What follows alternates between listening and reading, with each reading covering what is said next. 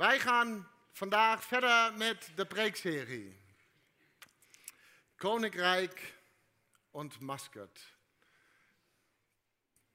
Koor? Yes, thank you. Daar is die.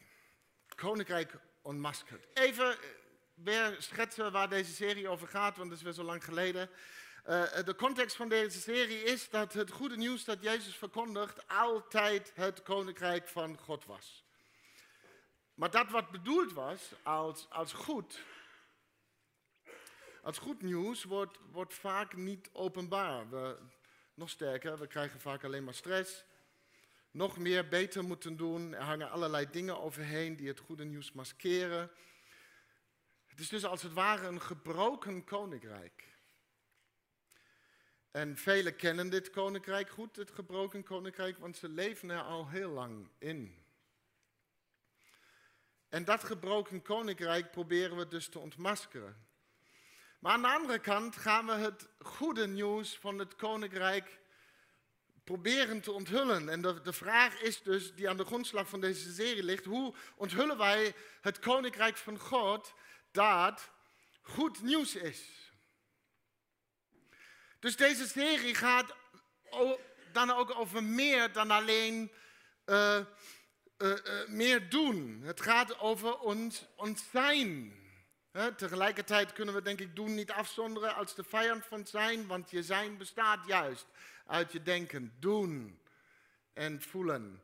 En als we of doen of denken of voelen weghalen, blijft een incompleet bestaan over, een gebroken koninkrijk. Maar als we steeds meer geloven dus dat het koninkrijk ons hele zijn inneemt, dan zal het koninkrijk van God in al zijn volmaaktheid onthuld worden. Dus in ons denken vernieuwd bewegen, in ons kennen van Jezus, in ons doen, dus in ons bewogen bewegen als Jezus in deze wereld en in ons voelen, in ons ervaren van zijn aanwezigheid in alles. Dus de definitie van het koninkrijk van God, die we uh, weer willen ontdekken, die de meest voor de hand liggende en de meest eenvoudige definitie is, en daarom ook de moeilijkste, is deze, of niet? Oh, wacht even, Cor. Ik, uh, ik heb het verkeerd gedaan. Ah. Het koninkrijk van God is een bestaan of een zijn, denken, doen en voelen, dat rijk is aan de koning. Tjaka. En die koning Jezus, die heeft een keer we hebben de laatste keer over vredestichters gehad. Hoe is het gelukt met geen kant kiezen in dit leven? Hartstikke goed, hè? Ja. Mm. En uh, Jezus zei dingen zoals bid voor je vijanden. Oh, of voor degene die jou vervolgen. En er was een keer dat koning Jezus flink heeft opgeruimd in een tempel. En uh, uh, vervolgens heeft hij gezegd van mijn huis moet een huis van gebed zijn. Het huis van mijn vader moet een huis van gebed zijn. Dus Jezus vond bidden ergens heel belangrijk. En ik wil met jullie vandaag ontdekken waarom. Dus laten we samen lezen uh, in Lucas uh, eh, 11, de versen 1 tot en met 13. Eens was Jezus aan het bidden. En toen hij zijn gebed beëindigd had, zei een van zijn leerlingen tegen hem: Heer, leer ons bidden. Zoals Johannes, ook Johannes het zijn leerlingen geleerd heeft. En hij zei tegen hen, wanneer jullie bidden, zeg dan, Vader, laat uw naam geheiligd worden en laat uw koninkrijk komen. Geef ons dagelijks het brood dat we nodig hebben. Vergeef ons onze zonden, want ook wij, wij zelf vergeven iedereen die ons iets schuldig is. En breng ons niet in beproeving. En dan volgt een, een gelijkenis die Jezus vertelt, maar daar gaan we nu niet op in, want het gaat meer om de zetting. En dan komen we een stukje later bij het volgende. Daarom zeg ik jullie, vraag en er zal je gegeven worden. Zoek en je zult vinden. Klop en er zal voor je worden opengedaan. Want iedereen die vraagt ontvangt en wie zoekt vindt. En voor wie klopt zal worden opengedaan. Welke vader onder jullie zou zijn kind als het om vis vraagt in plaats van een vis een slang geven? Of een schorpioen als het om een ei vraagt? Als jullie dus, slecht als jullie zijn, daar gaan we het straks even over hebben, je kinderen al goede gaven kunnen schenken, hoeveel te meer zal de Vader in de hemel dan niet de Heilige Geest geven aan wie hem daarom vragen. Heer, leer ons bidden. Wat een eerlijke vraag is dat. Ze, ze, zagen wat Jezus deed en wat hij zei. En tuurlijk wisten de discipelen wel uh, uh, wat bidden is. Het is niet alsof ze het nog nooit zagen of zelfs deden. Ze hebben ooit, voordat ze in de, uh, zeg maar de school werden uitgeknikkerd omdat ze niet goed genoeg waren, toch wel als jonge kinderen ook in de synagoge werden ze opgeleid en hebben wel dingen meegemaakt. Hebben ergens wel gezien wat gebed is en, en mensen het zien doen. Maar dan maken ze mee hoe Jezus bidt en blijkbaar gaat alles overboord.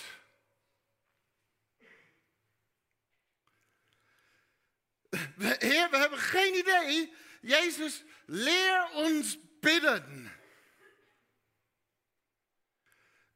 Dat is dus enorm eerlijk om te zeggen van nou wat wij daarvan hebben gemaakt, jongen wat een geklungel, Heer leerde ons.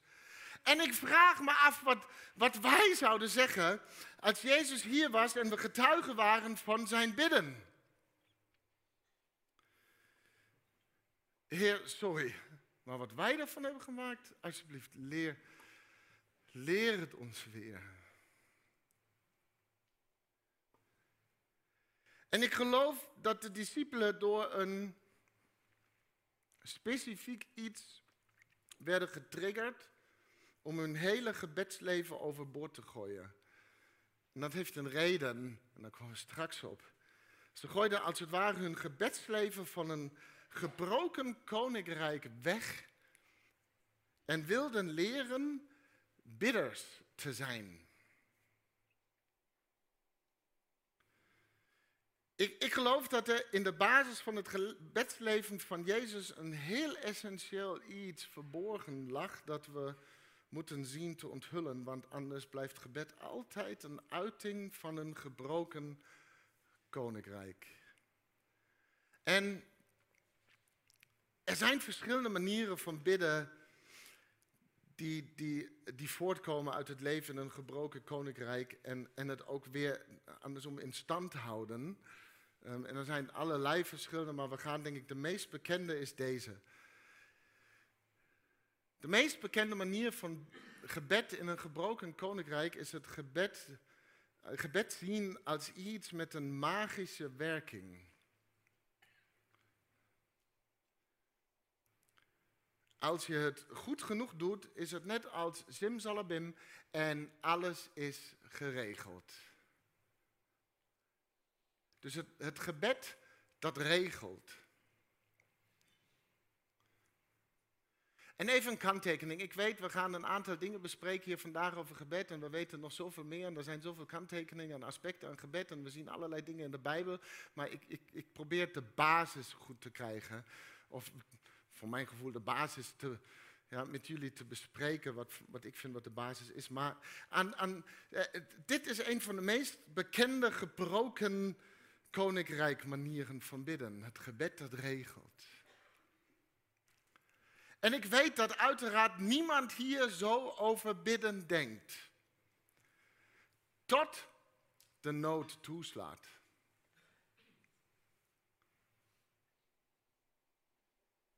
Want dat is uiteindelijk wanneer de, de meesten beginnen met bidden. Als de nood toeslaat. En dan willen we het regelen.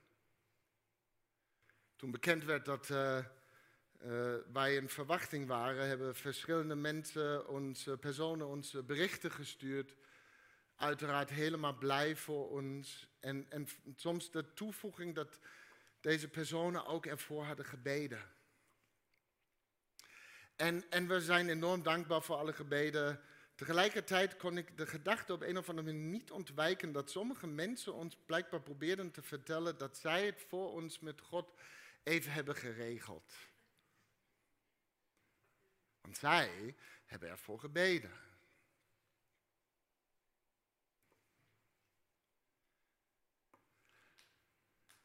Dus vaak lijkt bidden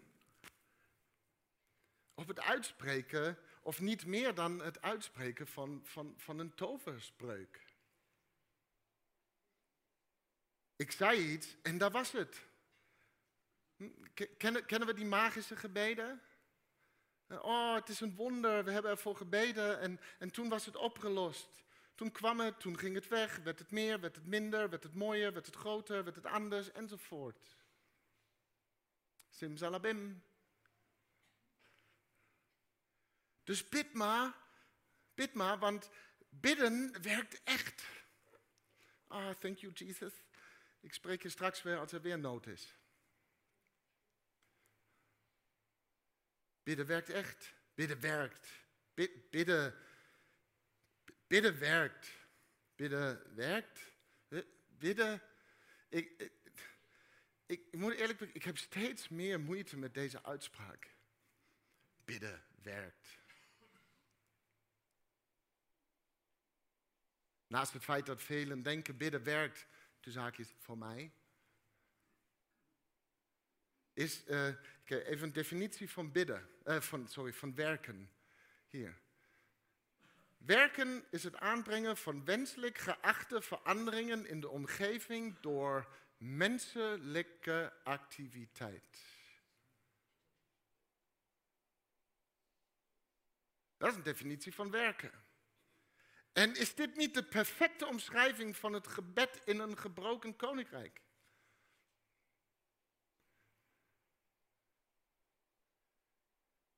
Bidden voor resultaten en, en veranderingen die wij graag willen zien. Dus het is maar één, maar misschien de meest voorkomende manier van bidden, voortkomend uit een gebroken koninkrijk. Bidden werkt. En we komen constant weer met dit gebroken koninkrijk in aanraking. Want wat blijkt is dat die toverspreuk, als het ware, vaker niet werkt dan wel. Hoe vaak krijgen we in ons gebed gewoon niet voor elkaar wat we graag veranderd zouden willen zien? En mensen gaan een stuk aan, maar blijven zich suf bidden, want het gebroken koninkrijk zegt dan vervolgens, het ligt aan je geloof. Je hebt er namelijk niet genoeg van. Dat is hoe het gebroken koninkrijk zichzelf in stand houdt en verontschuldigt en rechtvaardigt. Ligt niet aan het gebed, moet echt aan jou liggen.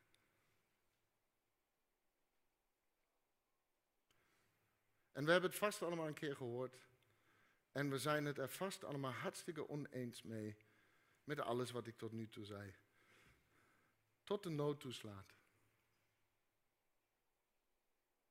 En je begint te bidden. Simsalabim. En er gebeurt niks. En je jezelf vervolgens afvraagt, wat, wat, wat doe ik dan verkeerd? Ligt het misschien aan mijn geloof?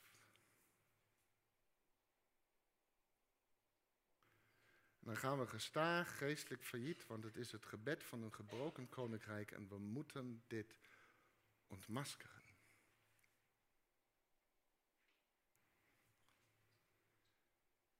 Heer, leer ons bidden. En dan hebben we gelezen, hij zei tegen hen, wanneer jullie bidden, zeg dan, Vader, laat uw naam worden geheiligd en laat uw koninkrijk komen. Geef ons dagelijks het brood dat wij nodig hebben. Vergeef ons onze zonden, want ook wij, wij, vergeven, wij zelf vergeven iedereen die ons iets schuldig is en breng ons niet in beproeving. Dit is een beetje een verkorte versie hè, van het Onze Vader, zoals we dat vandaag nu kennen. En, en of het nu de lange of korte versie is, wat we hier, dat maakt even niet uit. Maar wat we zien in dit gebed is waar bidden wel over gaat. Vader, uw naam wordt geheiligd. Wij, wij verbinden ons aan u. heerschappij, uw koninkrijk komen en u verbindt zich aan ons. Geef ons dagelijks wat we nodig hebben. Leer ons dus afhankelijk te zijn, verbonden te zijn van u, aan u. Vergeef ons en wij vergeven anderen. Help ons om te verbinden, om verbinding te herstellen. Gebed gaat om verbonden zijn met de Vader. In de basis, dat, dat is het. In de basis is dat het. Verbonden zijn. En, en zij vragen leert ons, en Jezus probeert hier woorden te geven aan zijn gebedsleven. Een, een leven van verbonden zijn. En de discipelen moeten het hebben gezien en zeiden dus, dit wil ik ook. Vergeet, Heer, zegen deze spijzen. Maar dit, het is zo raar trouwens, bidden voor eten. Ik heb dat zo vaak al verteld. Hè. Dan heb je de schepper van hemel en aarde. De, kosmos gemaakt en de sterren zijn plaats gegeven. Allemaal apart miljoenen miljarden een naam gegeven. En alles draait perfect en de planeten vallen inderdaad niet op ons hoofd. Het werkt gewoon harmonisch met elkaar. Geweldig. En hij is bezig om de kleuren te plaatsen in de, in de hemel. Zeg hij westen. En dus we, oh sorry, wat? Oh, ja eet smakelijk. Ja.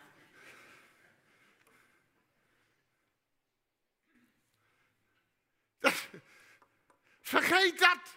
Maar dit, Heer, dit willen wij.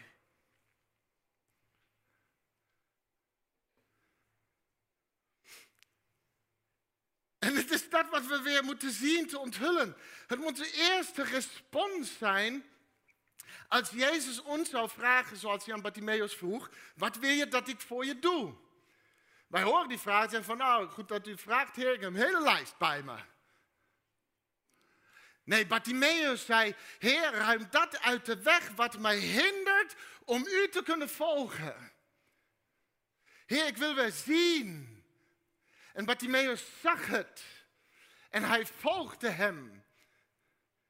Dit was niet een bedankje, oh, hartstikke mooi wat u voor mij kan doen, dus uiteraard ik ga even een paar meter meelopen. Nee, het, hij wilde het weer zien.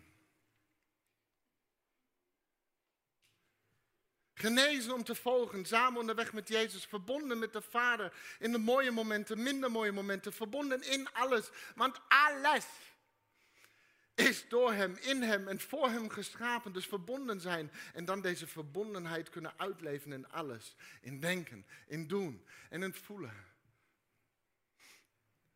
Paulus zegt in Romeinen 12, vers 12, wees verheugd door de hoop die u hebt. Wees standvastig wanneer u tegenspoed ondervindt en bid onophoudelijk. Ken je die? Bid onophoudelijk. Als je alleen het regelgebed van het gebroken koninkrijk kent, dan betekent onophoudelijk bidden vooral een heleboel stress. Wat een stress als je denkt dat je God constant eraan moet herinneren wat hij zou moeten regelen en dan niks gebeurt.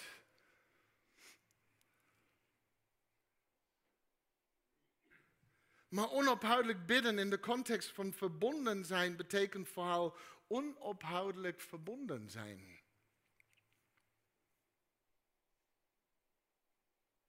Hoe mooi is dat? Dat is toch goed nieuws? constant, onophoudelijk verbonden met de Vader. En ik hoor je denken, maar wat is dan met die teksten waar Jezus zegt dat als, als je iets vraagt, dan zal, het je ook, dan zal je het ook krijgen? Ah, denk ik dan, ah, je bedoelt die, die tekst die we net hebben gelezen. Ja, precies, die. Dat aankloppen, vragen, zoeken enzovoort. Ja, het is allemaal hier. Dus alles wat ik ons vertel is allemaal in dit moment. Jezus zegt, want ieder die vraagt ontvangt en die zoekt vindt en voor wie klopt zal worden opengedaan. Als jullie dus, slecht als jullie zijn, dus alleen maar bidden om te regelen, je kinderen al goede gaven kunnen schenken, hoeveel te meer zal de Vader in de hemel dan niet de Heilige Geest geven aan wie hem vraagt, zoekt, aanklopt. Dat, dat, laatste stukje laten we graag weg, want uh, uh, ik wil vragen en dan krijgen wat ik vraag, dat vind ik veel leuker. Maar als ik dan iets vraag en dan krijg de geest ervoor terug, terwijl ik helemaal niet heb gevraagd. Ja, wat is dat? Maar dat is waar het om gaat.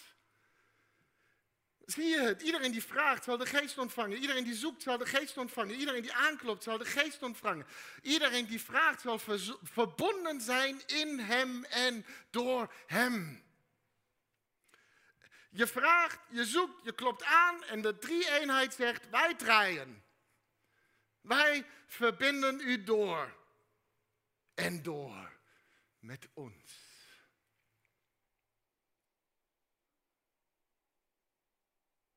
Het is een en al verbinding met de Vader. En dit is wat de discipelen dus hun magische gebedsmaniertjes weg liet gooien en zeggen, dit wil ik ook.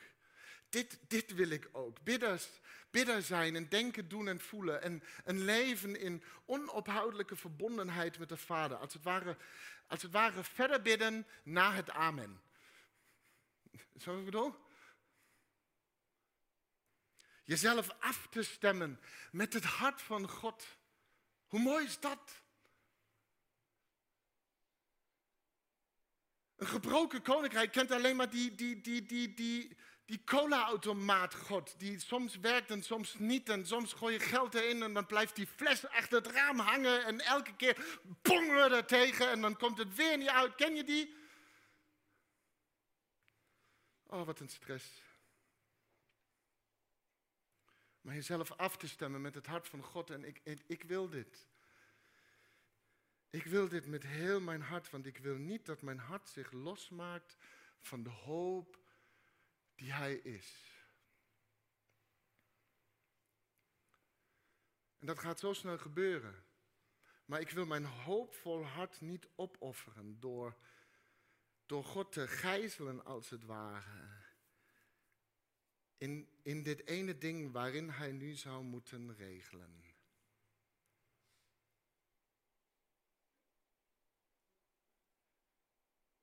Soms maken we ons hele leven afhankelijk van hoe God zou moeten handelen in deze, in deze ene situatie.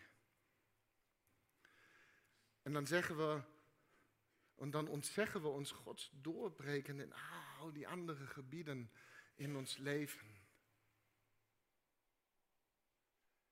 Als we God gijzelen in dit ene actiepunt, dan, dan dreigen we de hoop te verliezen voor het geheel, omdat we onszelf juist ook gijzelen in die gebrokenheid en daar dan wachten op Hem.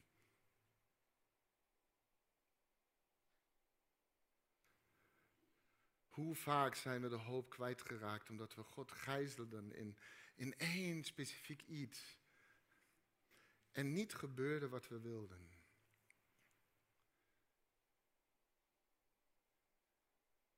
Het overkomt ons geregeld dus dat we in de regelmodus gaan en regelend bidden. Maar wat kan ik dan wel zeggen als het regelgebed het niet is? Het is geen ingewikkelde preek, maar een behoorlijk ingewikkelde preek. Misschien heb je nu geen idee meer, meer wat, je, wat je dan nog kan bidden. En, en dat, dat is niet gek, want we zijn het gebed dat regelt zo gewend.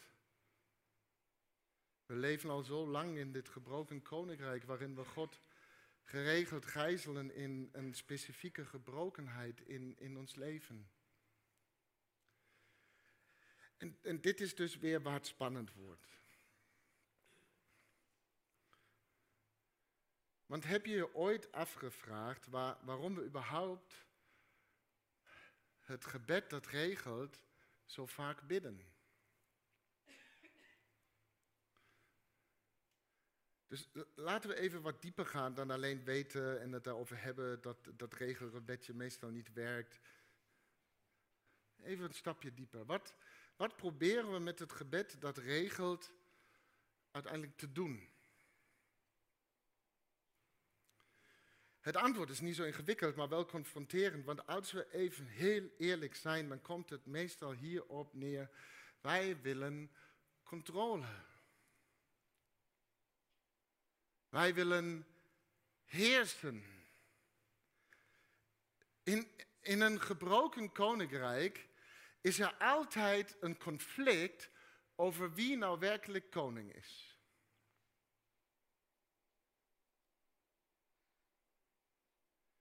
En, en er zijn allerlei situaties in ons leven waar we geen grip op krijgen. En uiteraard, wij, wij hunkeren naar houvast. We worden overweldigd door nood, we worden overspoeld met angsten, we worden ingenomen door zorgen, we worden overvallen door ziektes, we worden verpletterd door pijn, door lijden en verlies. En dan gaan we bidden om te regelen dat we het niet verliezen van dit leven, dat we niet verzanden in de chaos. Want deze gebroken wereld heeft ons geleerd dat het tegenovergestelde van controle is chaos.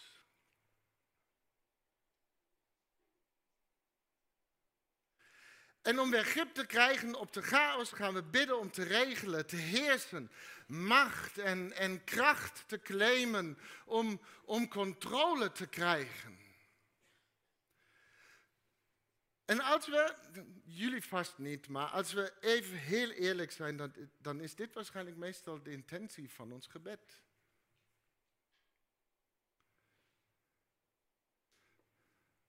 Maar let goed op. In een gebroken koninkrijk is het tegenovergestelde van controle inderdaad chaos. In een koninkrijk van God dat goed nieuws is, is het tegenovergestelde van controle vertrouwen.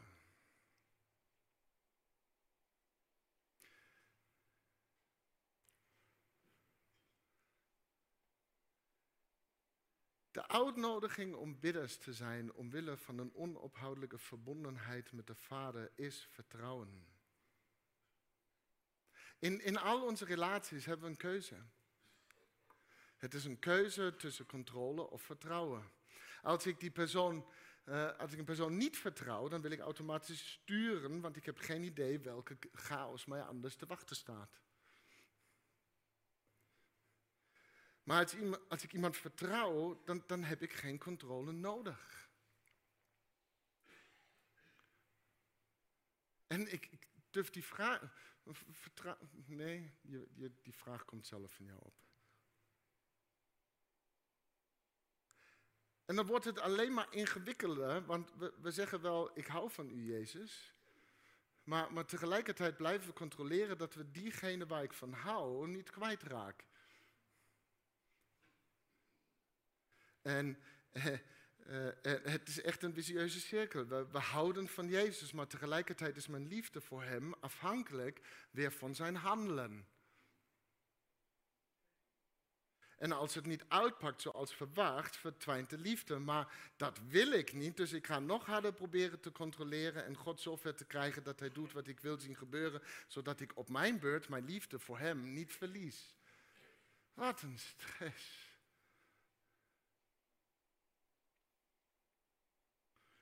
Liefde zonder vertrouwen gaat nooit werken, want het creëert een controlebehoefte die God gijzelt in mijn gebrokenheid.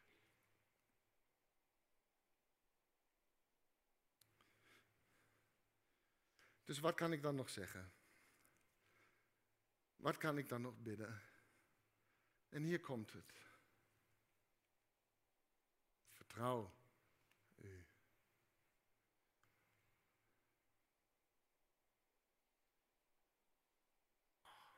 Zo, zo ingewikkeld, hè? Stiekem. Mm. Vertrouw u. Het is dus ergens makkelijk geworden om te zeggen, ik hou van, u omdat, uh, hou van u, omdat het zo deel is van het gebroken koninkrijk. Maar het goede nieuws, koninkrijk van God, wordt onthuld daar waar mensen ook kunnen zeggen, ik vertrouw u.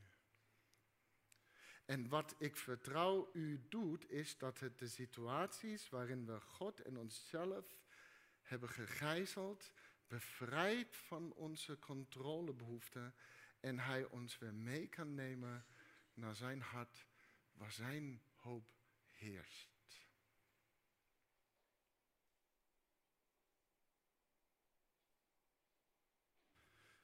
En nu komt het.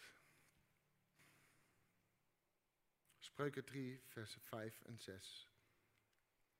Vertrouw op de Heer met heel je hart Niet op je eigen controlebehoeften. Denk aan Hem bij alles wat je doet. En dan baant Hij voor jou de weg.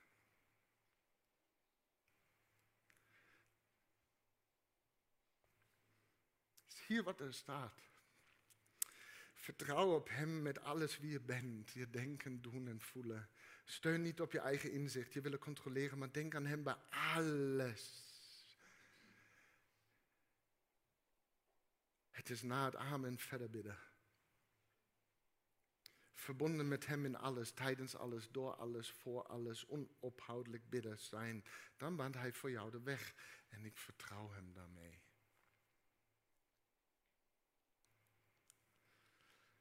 In Jesaja 40 lezen we dat degenen die op de Heer vertrouwen nieuwe kracht zullen ontvangen.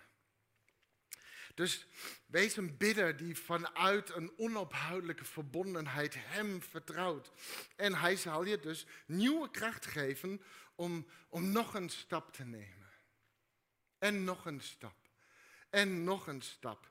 Heer, leer ons bidden. Dus leer ons leven met een onophoudelijk vertrouwen in u. En de discipelen zeiden, dit, dit wil ik ook. Hè? Verbondenheid voor iedereen die het vraagt, die het zoekt, die verder wil. Vertrouwen op hem en dan nog een stap en nog een stap.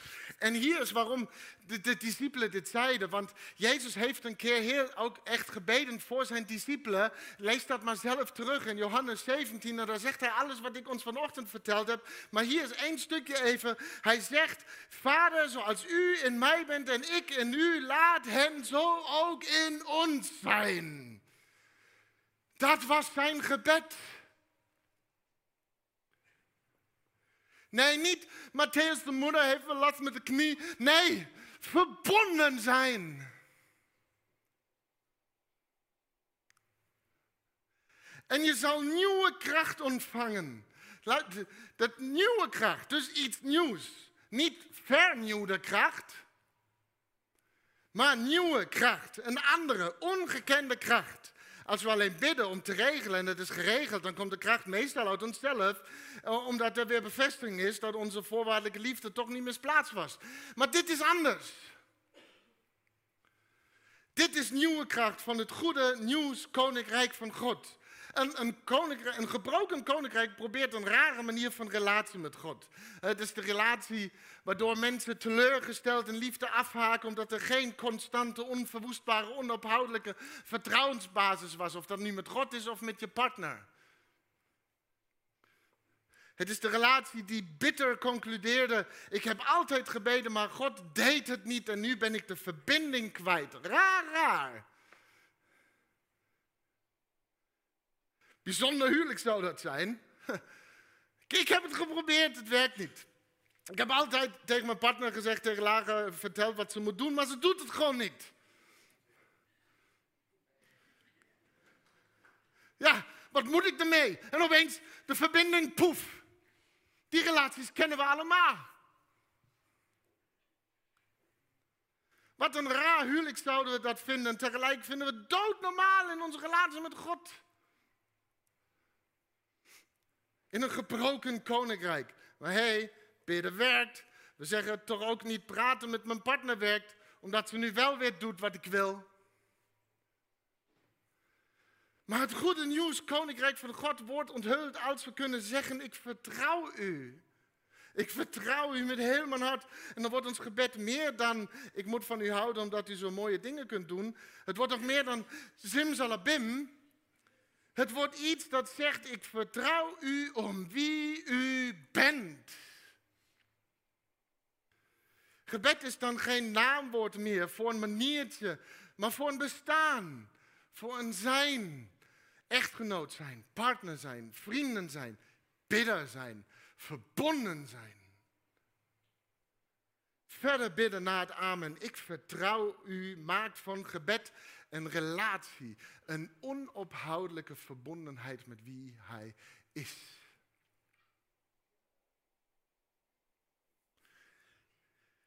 En, en daar wil ik altijd kunnen komen.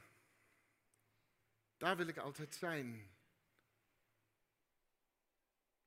Dicht bij zijn hart. En mij kunnen afstemmen met zijn hart van volmaakte hoop. Volmaakte vrede. Volmaakte aandacht. Volmaakte liefde in welke chaos ik ook verkeer. Zijn perspectief omarmen op dit leven. En dit te mogen ervaren, mij er verbonden weten en mee. Elke dag van mijn leven, deze volmaaktheid is voor mij enorm goed nieuws. En een hele nieuwe kracht. En ik weet ook niet altijd wat die nieuwe kracht precies inhoudt, maar ik weet wel dat ik het nooit hoef te missen. Omdat ik God ergens in een bepaalde gebrokenheid gegijzeld hield. Jezus zegt dus dat het huis van de Vader een huis van gebed hoort te zijn. En Paulus schrijft dat ons lichaam een tempel, een huis van de Heilige Geest is. We zijn dus gemaakt om een huis, een bestaan van gebed te zijn, van onophoudelijke verbondenheid. Een hele nieuwe kracht.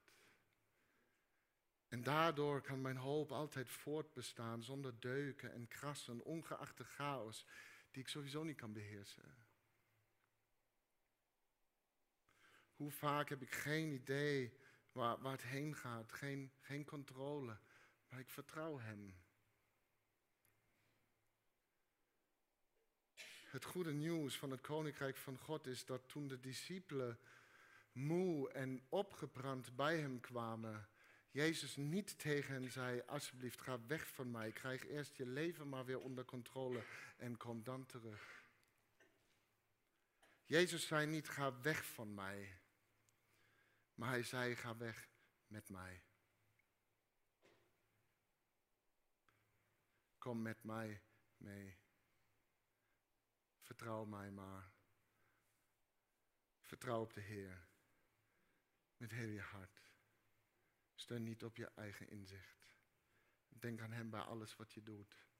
En dan baant Hij voor jou de weg. Amen.